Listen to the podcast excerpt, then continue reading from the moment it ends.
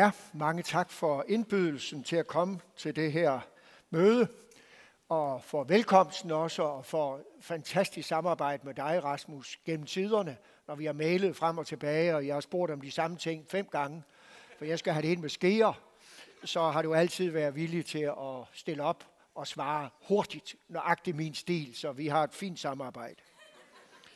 Og så er det herligt at være her. Jeg er jo en ældre mand på 66 efterhånden, så jeg må være den absolut ældste taler, I hører på. Ved de evangeliske alliance i Aarhus, der var det sådan for år tilbage, når vi havde ungdomsaften. Jamen, de skal altid være en ung taler. Det er det ikke mere. Nu er de de gavede. Nu er det de halvgamle og helgamle, man skal høre på til ungdomsaften. Sådan er det i Evangelisk Alliance i Aarhus. Det er en fryd for mig at være her. Det er skønt at se så mange kristne unge samlet på et sted. I vil være kristne. I vil tro på Kristus, og I vil følge ham, og I vil tjene ham. Det er en fryd at se på. Min gode chauffør Lasse, han er også ung, han er også en fin fyr. Han har kørt mig herop, for jeg har ikke bil, jeg kan ikke finde ud af at køre bil. Jeg skal altid have folk til at være omkring mig. Han har kørt turen. Han er en fin fyr. Så snakkede vi lidt om Aarhus. Og så fortalte han, at de var nogle stykker, der skulle ud på gademission. De kunne ikke finde et hjørne, hvor der ikke var nogen kristne, der stod med kaffe og bibel. Det er da opmuntrende i vores tid, hvor der er meget, der taler imod den kristne tro. Der er meget en udglidning bort fra den kristne tro. Yes, der er også den modsatte bevægelse. Det vil jeg gerne udtrykke min glæde over, at jeg som halvgammel mand må få lov til at se på den virkelighed. Så vil jeg aflægge mit eget vidnesbyrd kort. Jeg kommer fra Hirtshals, fiskerbyen deroppe, der hvor Niels Havsgaard kommer fra. Da jeg voksede op i et trygt, dejligt hjem, med, hvor der var frihed og morsomhed. Og jeg er døbt i folkekirken. Mor lærte os aftenbøn, men ellers havde vi ikke noget med kristendom at gøre. Mor og far gik aldrig i kirker og til kristelige møder. De har ikke noget imod det. Men de gjorde det ikke. Så jeg er ikke vokset op med det. Men så, da jeg, hvad er jeg, 10-11 stykker, så opdager jeg min farmor. Hun var troende. Hun havde noget, som andre ikke havde. Det ville jeg bare også have. Så begyndte jeg at undersøge det. Jeg begyndte at læse om det. Sætte mig ind i det snakkede med min faste og onkel, som var synagogeforstander i missionshuset i Hirsals. Og de var søde til sådan at hjælpe mig lidt. Så fik vi en ny præst i Hirsals. Og da jeg begyndte i 6. klasse i august 66-67 stykker, så begyndte jeg at gå i kirke hver søndag. Jeg sad deroppe på 8. række til højre. I ved, man får altid sin zone, man er i sådan en kirke. Der kom jeg og satte mig. Og jeg forstod, hvad præsten sagde. Han talte længe, men han talte godt, og jeg forstod det. Når han gik ind foran alderet, så gjorde han sådan her. Bøjede sig og slog korsets tegn. Wow, tænkte jeg. Vi er på hellig grund, når vi holder gudstjeneste. Så bliver jeg glad for det. Jeg holdt min egen gudstjeneste på mit kælderværelse. Da jeg nu ikke var præst, så måtte jeg jo ikke tage mig selv til nadver. Det må man jo ikke, når man ikke er præst. Så det gjorde jeg ikke. Og så gik jeg til præst hos ham. Det fik jeg ingenting ud af, det kunne jeg i forvejen. Men i 7. klasse blev jeg afklaret, at jeg vil være præst, når jeg bliver stor. Og det har jeg aldrig tvivlet på. Så det blev jeg. I storbyen, der har det altid skulle være for mig, syv gode år i København, og nu 30 i Aarhus. Og så regner jeg med, hvis Gud giver mig helbred og skarphed, at jeg går tiden ud, til man skal gå af til 70. Og så er det min bøn, at jeg må blive vel med, til jeg lægger mig, eller Herren kommer inden, og fuldfører løbet som kristen og som kristen bekender. Og noget af det, der opildner mig, det er jo så at være her hos jer i dag. Okay, så skal vi i gang. Nu er der 35 minutter, det er min taletid. Det skal jeg nok holde. Hvordan går det? Underforstået, når du får det spørgsmål fra en, så ved du godt, hvad du skal svare. Jo, det går fint. Og særligt når vi er kristne, så skal vi helst svare sådan. For vi har jo Jesus. Han er god. Han vil os det godt. Så det må gå os godt. Også selvom det er lidt bøvlet, så må det gå os godt. Men sådan er det jo ikke. Bare. Forhåbentlig også. Men ikke kun. Nogle gange, ja. Andre gange, nej, det er down. Vores liv, det er en blanding af op og ned. Og nu spørger jeg dig, hvad fylder i dit liv pt? Hvordan er det i din tilværelse omme bag scenen? Bag kulisserne, når du kommer hjem fra Brighter i morgen efter rengøring og morgenmad? Hvordan ser det ud bag den kristne tjekkethed? Når du ikke er i kristen mood, når du ikke står med løftede hænder og priser Gud og mener det, når du ikke er i bøn for vores kammerat Jonathan her, når du ikke er i kristen samtale og aktivitet, hvad så? Hvordan ser det ud inde bagved? Nu stiller jeg spørgsmålet, hvad for et perspektiv vil være et sundt og sandt og ordentligt perspektiv at have på sit liv? Det vil jeg prøve at redegøre for nu. Der er tre perspektiver, vi skal holde sammen i én tilværelse. Og nogle gange så er første perspektiv mest aktuelt, andre gange er andet perspektiv, og tredje perspektiv skal holde det sammen. Første og anden. Og så med et ekstra kolorit på i tredje perspektiv. Første perspektiv lyder, livet har skabelsestatus. Når vi ser på menneskelivet og verdens liv, så har det skabelsestatus. Det er høj, fin status at have. Vi tror på livet, tilværelsen, menneskene, du og jeg, at vi kommer fra Gud. Han vil liv. Han vil give os del i sit kærlighedsliv. Gud er selv i sin i sit indre liv, fader, søn og helligånd. Det er sådan en pulserende, evig kærlighedsstrøm, der opererer inde i Guds væsen. Faderen elsker sønnen, sender den over til sønnen, der registrerer og modtager den, og sender den tilbage. Og den kærlighed, der fylder i det forhold mellem faderen og sønnen, det er Guds hellige ånd.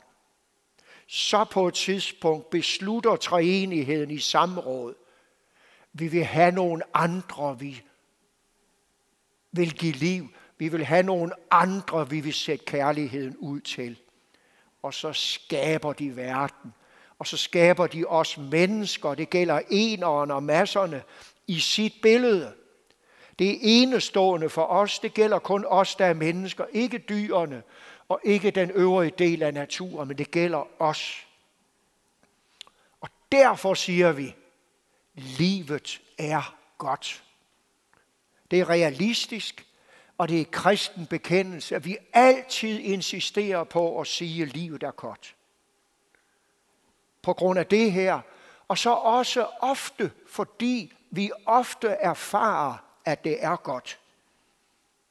At livet er godt, og vi siger ja til livet. Vi er på ja-siden. Det er det første perspektiv, vi skal have på livet. Og det kan man opleve i sit liv, i venskabsrelationer, i meningsfuldt arbejde, i gode vidtigheder. En dramatisk fodboldkamp, der ender med, at Danmark er nede med 0-3 og på 10 minutter kommer op på 3-3. Eller også det sidste i parken, hvor jeg var i lørdags, hvor Josef han scorer der til sidst ganske ufortjent. Og så alligevel bliver det sejr. Eller kærlighed mellem mand og kvinde. Ham Rasmus og hans skønne kvinde skal jo indgå ægteskab om en måned. Ja til livet. Tillykke med livet. Livet har skabelsestatus. Og det har det for alle, hvad enten de tror eller ej. Så kommer den anden dimension ved livet. Det er, at livet har også syndefaldsstatus. Der er noget, der er gået galt. Der er gået kage i det. Der er noget, der er blevet ødelagt. Syndefaldet. Hvad er syndefaldet? Det er, der er tre kræfter, der invaderer Guds verden. Det er ondskaben i renkultur og djævlen. Det er mistilliden til Gud, der får os til at vælge ham fra, for selv at ville være Gud i vores eget projekt. Og hvad er resultatet af det bras? Døden. Lidelsen. Sluttende med døden. Livet har syndefaldsstatus. Og derfor lykkes livet ikke altid. Derfor findes lidelsen. Derfor sker sådan noget med vores ven Jonathan. Derfor slås mange mennesker, også kristne, med skamfølelse. Jeg er ingenting værd. Jeg er jo, jeg, jeg er jo ikke noget. Mit liv er ikke lykkedes for mig. Jeg fik ikke de karakterer, jeg skulle have. Jeg kom ikke ind på det studium, jeg gerne ville ind på. Mit, mit kærlighedsforhold ligger i laser. Jeg kan ikke finde en kæreste. Min kone er gået fra mig. Mine børn er ikke på troens vej. Og så videre, og så videre. Skyld. Det er min skyld, det der. Det kan jeg ikke løbe fra. Jeg jokkede i spinaten. Jeg var årsag til, at der kom smerte ind i det menneskes liv. Det var min skyld. Og så det at miste. Sorgen. Og så lever vi livet. Og så er der skabelsestatus og syndefaldsstatus i et og samme liv. Hvis vi giver skabelsestatus farven hvid, så kunne vi give syndefaldsstatus farven sort. Nogle gange er det hvidt i livet, andre gange er det sort i livet. Og verden ligger sådan gråt i gråt, når skabelsestatus og syndefaldsstatus blandes sammen. Livet er en sammensat affære. Sagt med den gamle salmes ord, sorg og glæde, de vandrer til håbe. Det betyder bare, sorg og glæde, de følges ad. Du kan, du, du kan ikke have det ene, uden du har det andet. Du kan ikke have det andet, uden du har det ene. Du og jeg er fælles om dette at have det sammensatte liv. Og i det liv er det så, at vi skal lære at leve lære og gebærde os i den tilværelse. Det viser sig for eksempel ved det angstprovokerende, som hører livet til, som er vores overgangsfaser. I kan godt huske, da I blev teenager. I kan godt huske, hvor bøvlet det var. De der år fra, øh, du er et barn, men du er heller ikke voksen. Du står der og vader midt imellem. Hvem er I? og, og finde ud af, at du er dig, og ikke den anden, og ikke sådan, men sådan. Det er ikke enkelt. Det er angstprovokerende med overgangsfaserne. Når man skal flytte hjemmefra, nogle af jer er snart øh, studenter eller er lige blevet det. Hvad så nu? Det hele ligger foran jer. I har alt på spisekortet, og så skal I til at vælge. Og du skal have det snit for at komme ind og så videre. Det er angstprovokerende. Det kan også godt være angstprovokerende at blive gift og tage skridtet. Det ser ikke sådan ud hos jer, men alligevel, det kan godt være angstprovokerende, når man smider sig ud i det trosforetagende, hvor man opgiver sig selv til fordel for den anden, for at få sig selv tilbage som et andet menneske. Og sådan er det videre frem også. Det første arbejde, de første afgørende flyt. Og jeg husker, da jeg fyldte 40, der tænkte jeg, du har måske levet halvdelen af, dit liv, Flemming. Så gad jeg ikke at leve mere. Så gik jeg og kedet mig lidt. Så tænkte jeg, ja, det, så må jeg jo sige, okay, jeg er ikke ung mere, men jeg, jeg, jeg er stærk endnu. Jeg er 40, jeg har erfaring. Jeg er ikke 40 fed og færdig, men jeg er 40 fight og styrke. Jeg går til den. 50, det var bare endnu værre, der måtte jeg gøre det en gang til. 60, det var bare endnu værre, så må jeg gøre det en gang til. Dette, tag livet på mig, som det er i sin sammensathed. Det udfordrende liv. Og så lever vi det her dobbeltliv, som det jo på en måde er, forstået ret dobbeltliv. Hvor vi på den ene side ser en masse paradis glemt, som vi også sang om i vores morgensalme. Paradis glemt glimtene fra paradis. Ja, hvis, øh, hvis vi ikke vidste andet, så troede vi nu, at vi var i paradis. og så til den anden side, at vi er uden for paradiset. Vi er ikke i paradis. Vi er uden for paradiset. Det er ligesom i Narnia. Der er vinter i Narnia. Der er vinter i Narnia. Vi hører om et forår, der skal komme, som vi også har sunget så dejligt om her. Men endnu er det forår ikke kommet. Endnu er det vinter i Narnia. Nu er det efterår, og vi er på vej mod vinter. Livet har skabelsesstatus og syndefaldsstatus. Og nu kommer det tredje. Livet har fået en status mere. Forløsningsstatus. Befrielsestatus. Der er kommet en status mere ind over skabelsestatusen, som vil genoprette skabelsen, og som vil takle og overvinde syndefaldsstatus. Og, og, og, øh, og denne forløsningsstatus føjes nu ind over de to første status. Der er føjet noget til. Der er sket noget i den verden, der er så sammensat. Hvad er det?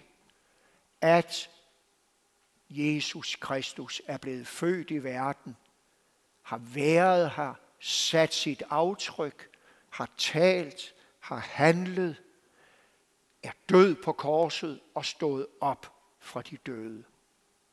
Han kom fra Gud, den Gud vi aldrig har set, den Gud vi forne- alle fornemmer findes. Nogen med tilslutning, så de tror ham. Nogen med håb, så de håber, han er der.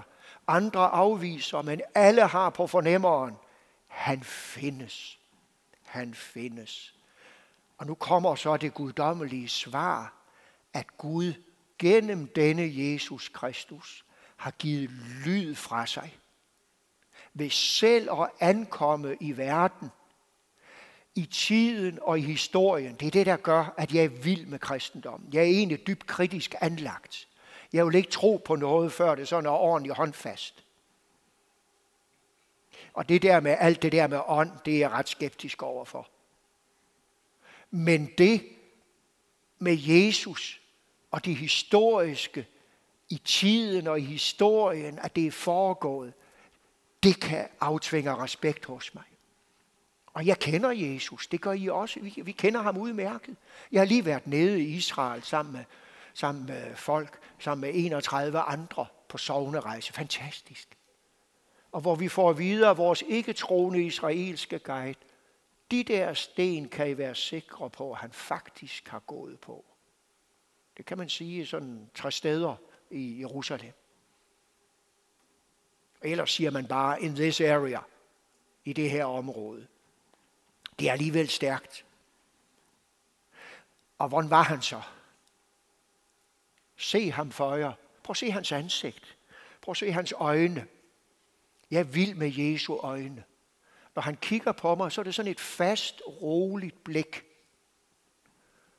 Jeg føler mig totalt gennemskuet af ham. Det kan godt være ubehageligt. Men han har, han, har, han har mig på kornet. Jeg kan ikke snyde ham. Han kender mig ud og ind. Men det er ikke så farligt i anden omgang, når jeg ser bedre efter. For det er jo ikke et koldt blik. Det er jo ikke et ondt blik. Det er jo ikke et nedstigende blik. Det er et barmhjertigt blik. Der er fasthed i øjnene. Der er barmhjertighed i øjnene. Og så har, han, så har han simpelthen sagt noget, som ingen andre i verdenshistorien har sagt. Har våget at sige, ville sige, kunne sige. Han sagde det.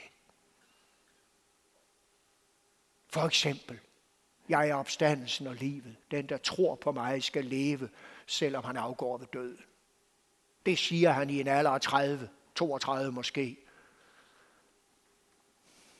foran en åben grav, hvor der ligger en stinkende Lazarus indenfor. Vi har, jeg har lige besøgt graven. Det var hårdt at komme derned. Man skulle bøje sig dybt. Men det var godt. Det siger han. Og så det, der gør det så troværdigt med ham, det er, det var ikke bare store ord i sommervarmen. Det var ikke bare vilde udtalelser. Nu skal vi sige noget fedt og stort og, og som folk øh, gider at høre på. Nej, han satte handling bag sine ord. Gik ind i det aller værste. Gik ind i syndefaldsstatus. Tog synden på sig. Han havde den ikke selv. Ren skabelsestatus. Men han tog syndefaldsstatus på sig. Bare den. Bragte det guddommelige ofre, der kan overvinde syndefaldsstatus. Og stod op fra de døde. Brød igennem og skabte forløsningsstatus til mennesker. Han har gennemført et be, en befrielsesaktion. Han vil, at menneskene skal være glade, og at syndefaldsstatus på sigt skal forsvinde. Endnu er syndefaldsstatus her. Allerede. Men syndefaldsstatus skal væk en gang. Fuldt ud. Det har han sagt til os. Han har gjort det her for, at vi skal leve. Og inden det fuldstændig gennemføres, nu, mens vi er her i den verden, hvor skabelses- og syndefaldsstatus lapper over, så har han sluppet sin ånd løs for at arbejde denne forløsning ind i vores skabelses- og syndefaldsliv. Han vil arbejde forløsningsstatus ind nu i vores skabelses- og syndefaldsliv. Hvordan ser det så ud? Hvordan ser det så ud? Ja, der skal vi huske, at kristne er mennesker som alle andre. Og underlagt de samme vilkår som dem, der ikke tror på Kristus eller ikke ved, om de gør det. Vi er mennesker. Vi er skabt i Guds billede. Og meningen med, at vi er her, det er, at vi skal blive mennesker mere og mere. Ved at formes og dannes i Guds billede til mere og mere lighed med Jesus. At vi altså ved at møde Jesus og Guds ånd skal komme ind i denne formning. Vi taler om dannelse i livet. Vi taler om opdragelse. Vi taler om at blive modnet i sit liv. Vores tilværelse, fra vi er børn til vi lægger os, det er denne dannelses- og modningsproces til at være mennesker.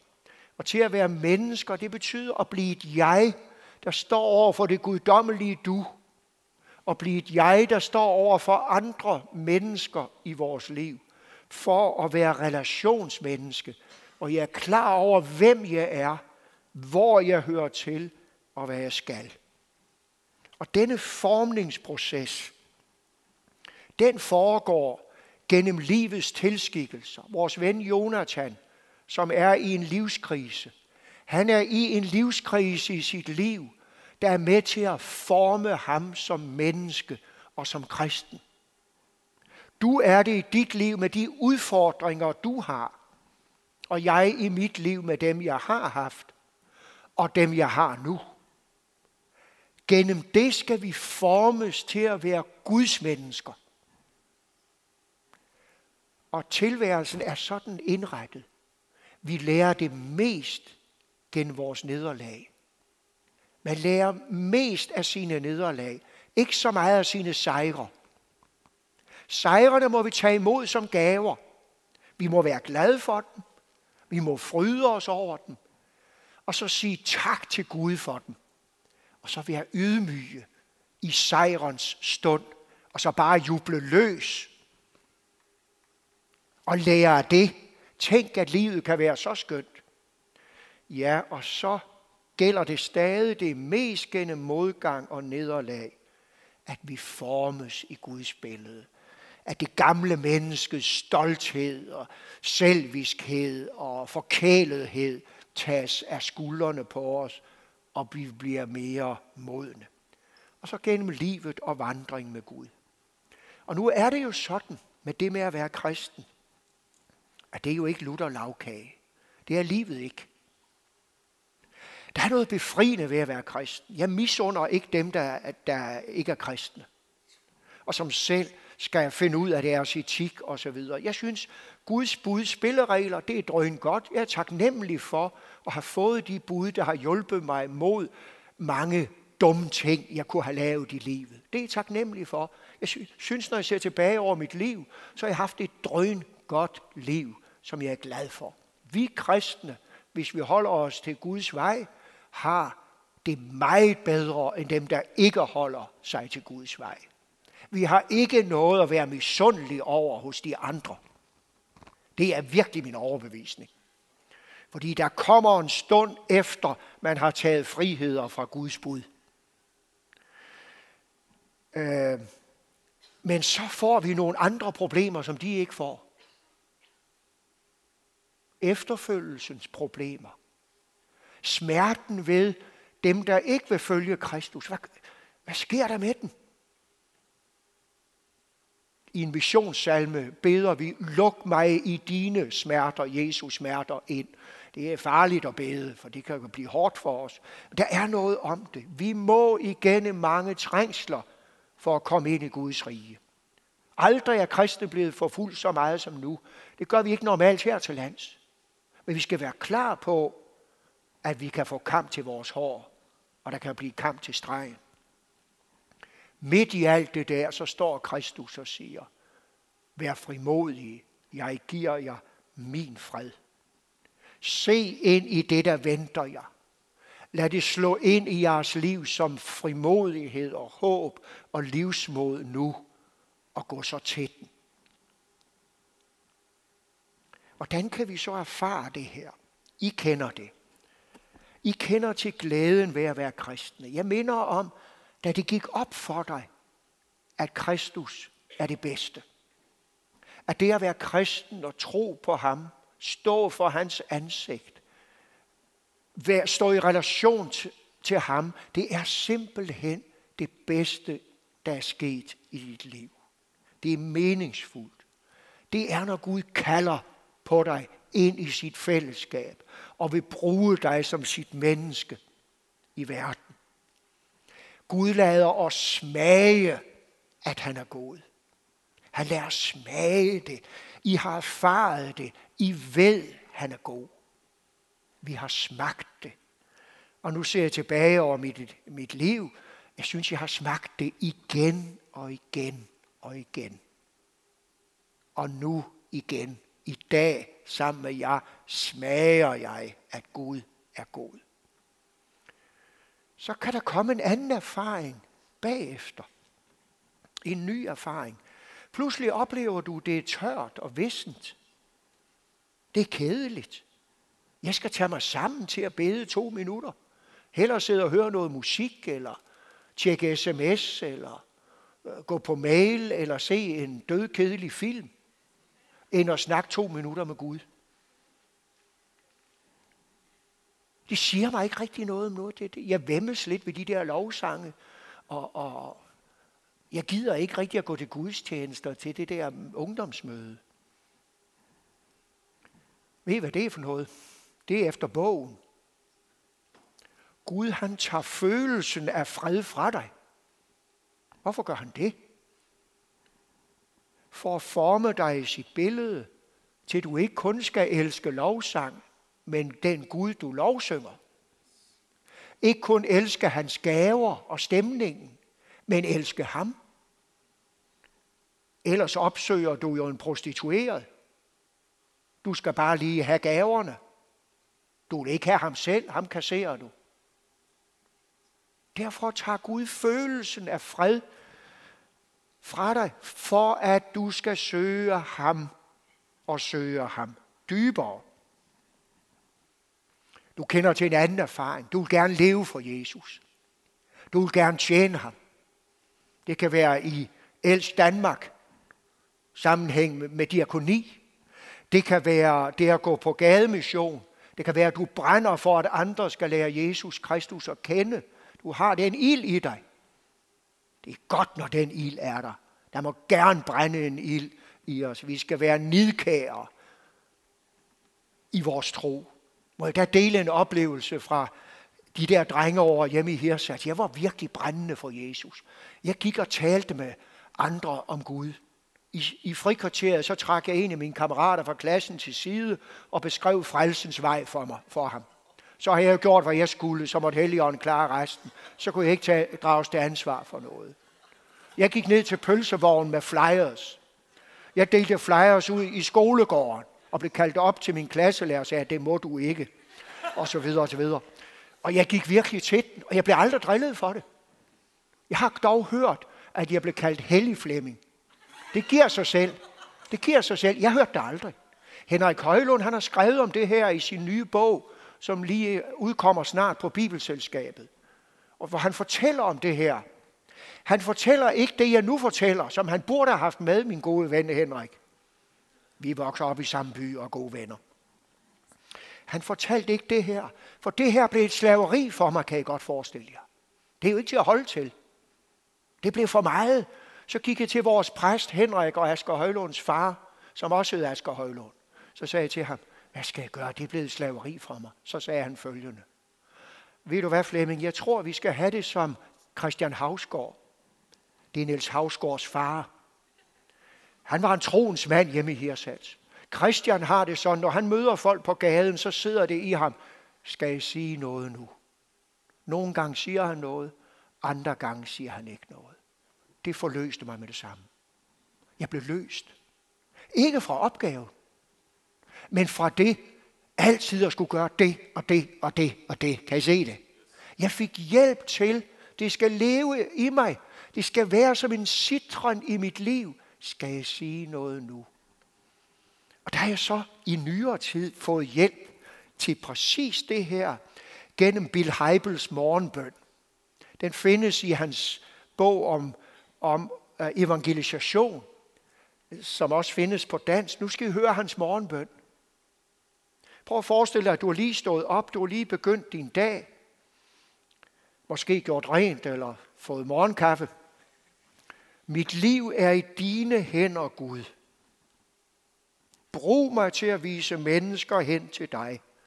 Jeg lover at medvirke så godt jeg kan. Det er ikke en skøn formulering. Jeg lover at medvirke så godt jeg kan. Hvis du vælger skal sige et ord for dig i dag, gør jeg det. Klar, stillet til disposition.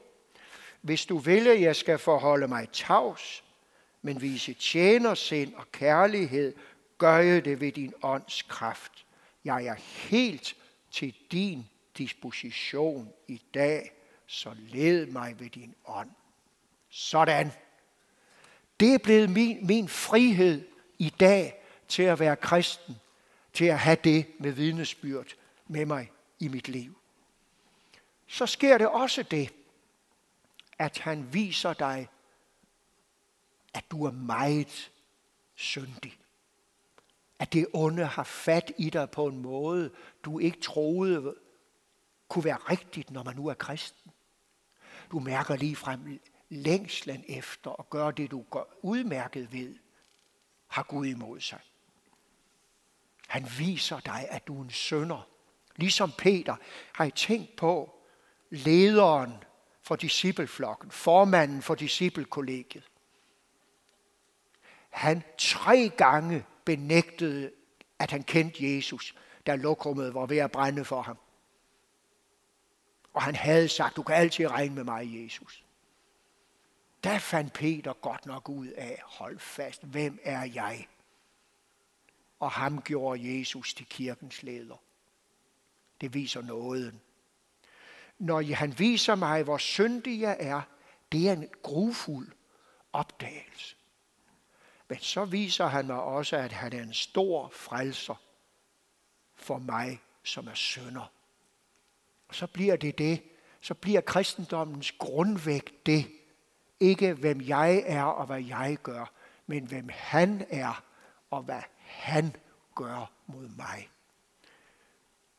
Det har jeg selv erfaret meget i mit liv ved at bruge det personlige skriftemål. Det bruger jeg i mit liv.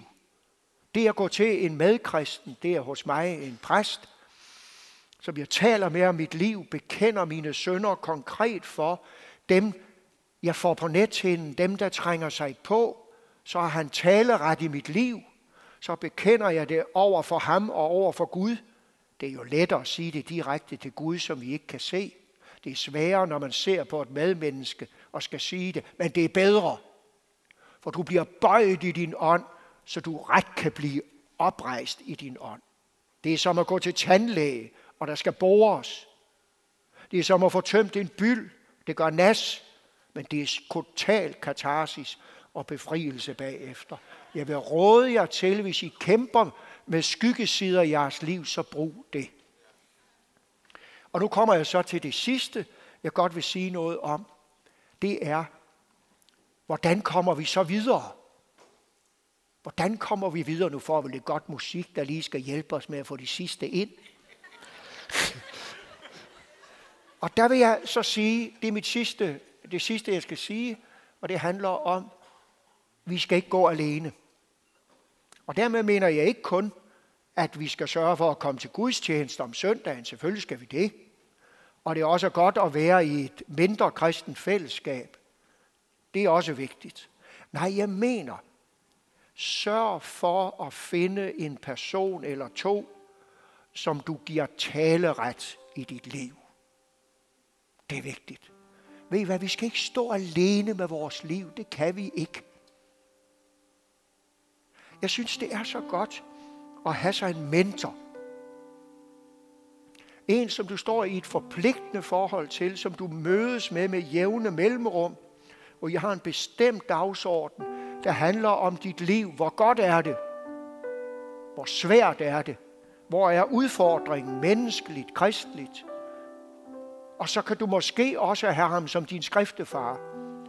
Er der synd i dit liv, der særligt øh, pådrager dig din opmærksomhed for tiden?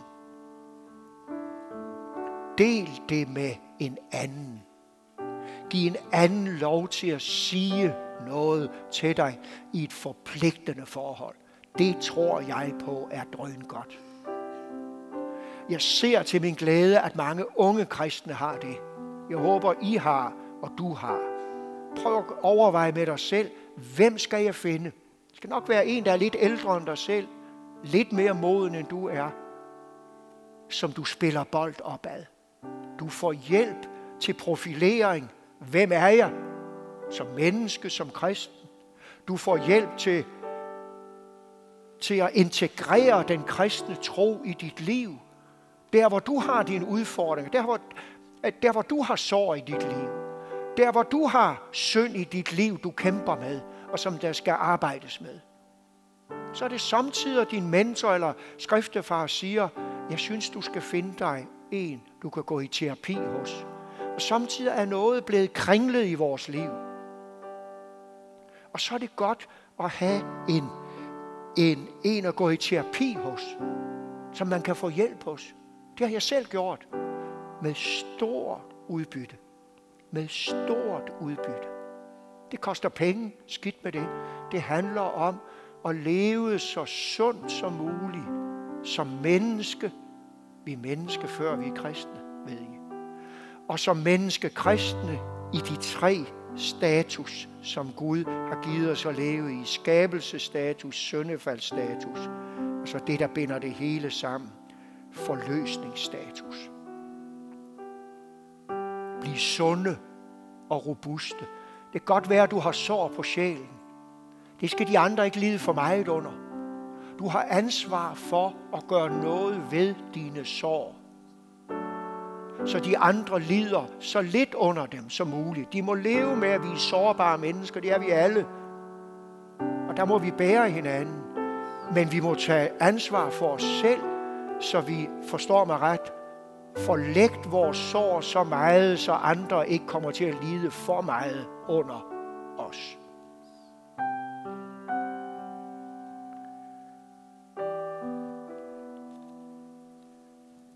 Så gælder det om, at vi vandrer med Gud. At vi må leve vores liv med forventning. Håbets folk. Vi har det bedste foran os. Og så også leve det liv, som vi har nu. Det er i Guds hænder, han former og danner mig gennem livets tilskikkelser og gennem min tilværelse. Lad os prise ham. Herre, vi takker og priser dig for, at du er Gud, fordi livet er godt, fordi du har skabt det og skabt os i, sit, i dit billede, og fordi du vil forløse os. Og så beder vi om, at vi må leve i din forløsning. Amen.